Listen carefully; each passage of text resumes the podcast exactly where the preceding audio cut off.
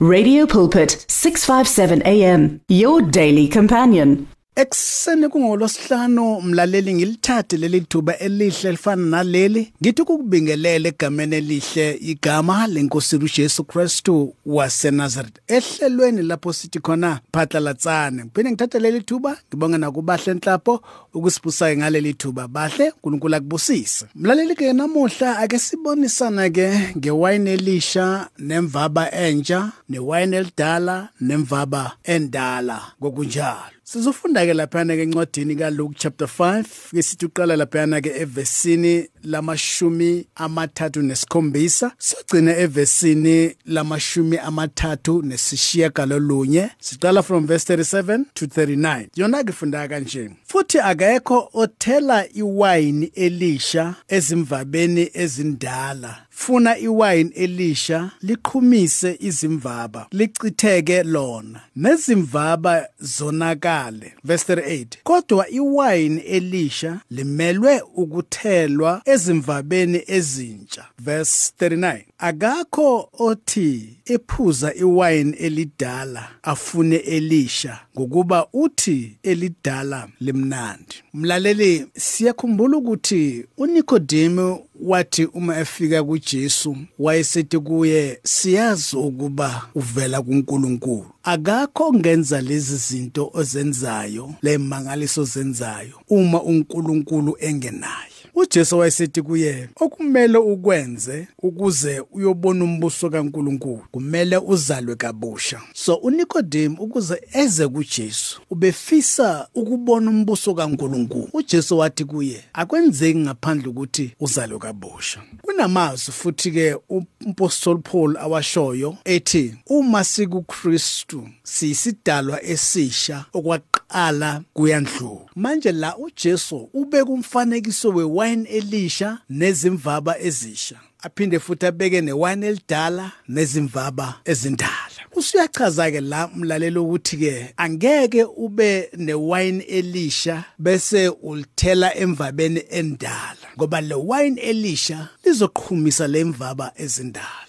Chaza ukuthini ke emlaleni sikhule singamazi uNkulunkulu. Safundiswa ngendlela esifundiswe ngayo. Sakhula mlaleli. Kwafinyelela lapho sesimazi khona uNkulunkulu. Lokho kuchaza ekutheni mlaleli njengalokho besingamazi uNkulunkulu kepha manje sesiyamazi. Kumele kube khona umahluko. Ngakho ke kungako athi angeke uthele iwine elisha emvabeni endala. Okuchaza khona ke mlaleli ukuthi ke njengaloku sesibadala singazananga noNkulunkulu manje uma sesezana noNkulunkulu kumele sizalwe kabusha ukuze sikwazi ukwamukela izinto ezinsha empilweni zethu. Manje inkinga yethu umlaleli ukuthi asifuni ukuzalwa kabusha. Sifuna kulomuntu omdala samukele izinto ezinsha kungako kukhona nje ukucabana emabandleni ngenxa yabantu abafuna ukwamukela izinto ezinsha ezimvabeni ezindala. Ngamagama imvaba endala kungako umlaleli even nasemshadweni kuba khona ukucabana kube khona kulento abayisijustify lokho ngenxa yokuthi siyizimvaba ezindala kepha sifuna ukwamukela izinto ezinsha kungako uJesu athi ke akwenzeki lokho mlaleli. Ngakho ke uma sesiyisidalo esisha sikwazi ukwamukela izinto ezinsha. Kungako uNkulunkulu ke ezweni lakhe ekhuluma ngoAdam omdala kube khona noAdam omusha. Okusobala ke mlalelo ukuthi ke izimpi emabandleni ethu zingaphela uma kungukuthi sesizelwe kabusha samukela izinto ezinsha. Kepha ke asifuni ukuzalwa kabusha asifuni ukuyeka izinto zakudala.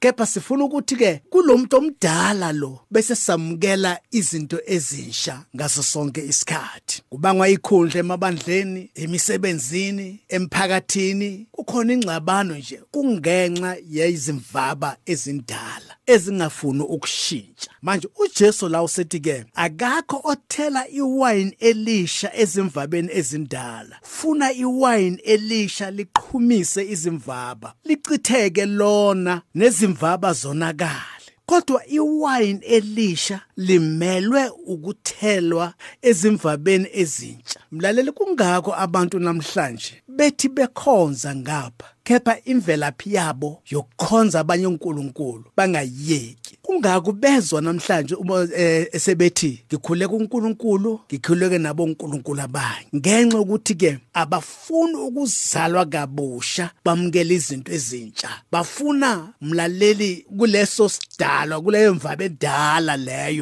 Bese bamukela izinto ezintsha kungako bephambanisa bakhonza uNkulunkulu nabanye uNkulunkulu bengakhonza uNkulunkulu yena yedwa kungenxa yezimvaba ezindala. Namhlanje kuyaxujwa emabandleni mlaleli ngenxa yokuthi baxuba iwayini elidala nezimvaba ezinsha baxuba iwayini elisha nezimvaba ezindala. Kuyaphambaniswa mlaleli kungaphela konke lokho. Uma singazalwa kabusha silithathe izwi likaNkuluNkulu elisha empilweni zethu silenze sipractice ukuya ngezwi likaNkuluNkulu. Kepha ke manje siloko sibuka e-, emuva abokhokho bethu babehamba la abokhokho bethu babekhonza la obokhokho bethu babenza lokhu nalokhu. Niphinde futhi Sunday nishumayele izwi likaNkuluNkulu. Uyabona ukuthi ibandla elixubile mlaleli lixuba iwayini elisha nezimvaba ezindala lixuba iwayini elisha iwayini elidala nezimvaba ezintsha akwenzeki mlaleli ngeke kwenzeke futhi. uJesu usethi ke ngikuphindele la mazwi akekho othela iwine elisha ezimvabeni ezindala. Funa iwine elisha liqhumise izimvaba lichitheke lona nezimvaba zonakala kodwa iwine elisha limelwe ukuthelwa ezimvabeni ezintsha. Iwine ekuyilizwi likaNkuluNkulu ekumele lihlale kithi. Elithi izwi likaNkuluNkulu uma umuntu ekuKristu uyisidalo esisha okwaqala kundlulile bheka sekuvela okusha. Bese umpostoli Paul aphinde athi kuzenzo izinsuku zokungazi uNkulunkulu wazithalalisa kepha kaloku usumemezela abantu bonke ezindaweni zonke ukuthi baphenduke. Yes besingazi mlaleli. Sikhulile singaka. Basikhulisile ngendlela basikhulise ngayo. Ngakho ke uma sesifinyelela ezwini likaNkuluNkulu kumele sibe izidalwa ezisha ukuze sikwazi ukwamukela izwi likaNkuluNkulu eliyiwine empilweni zethu.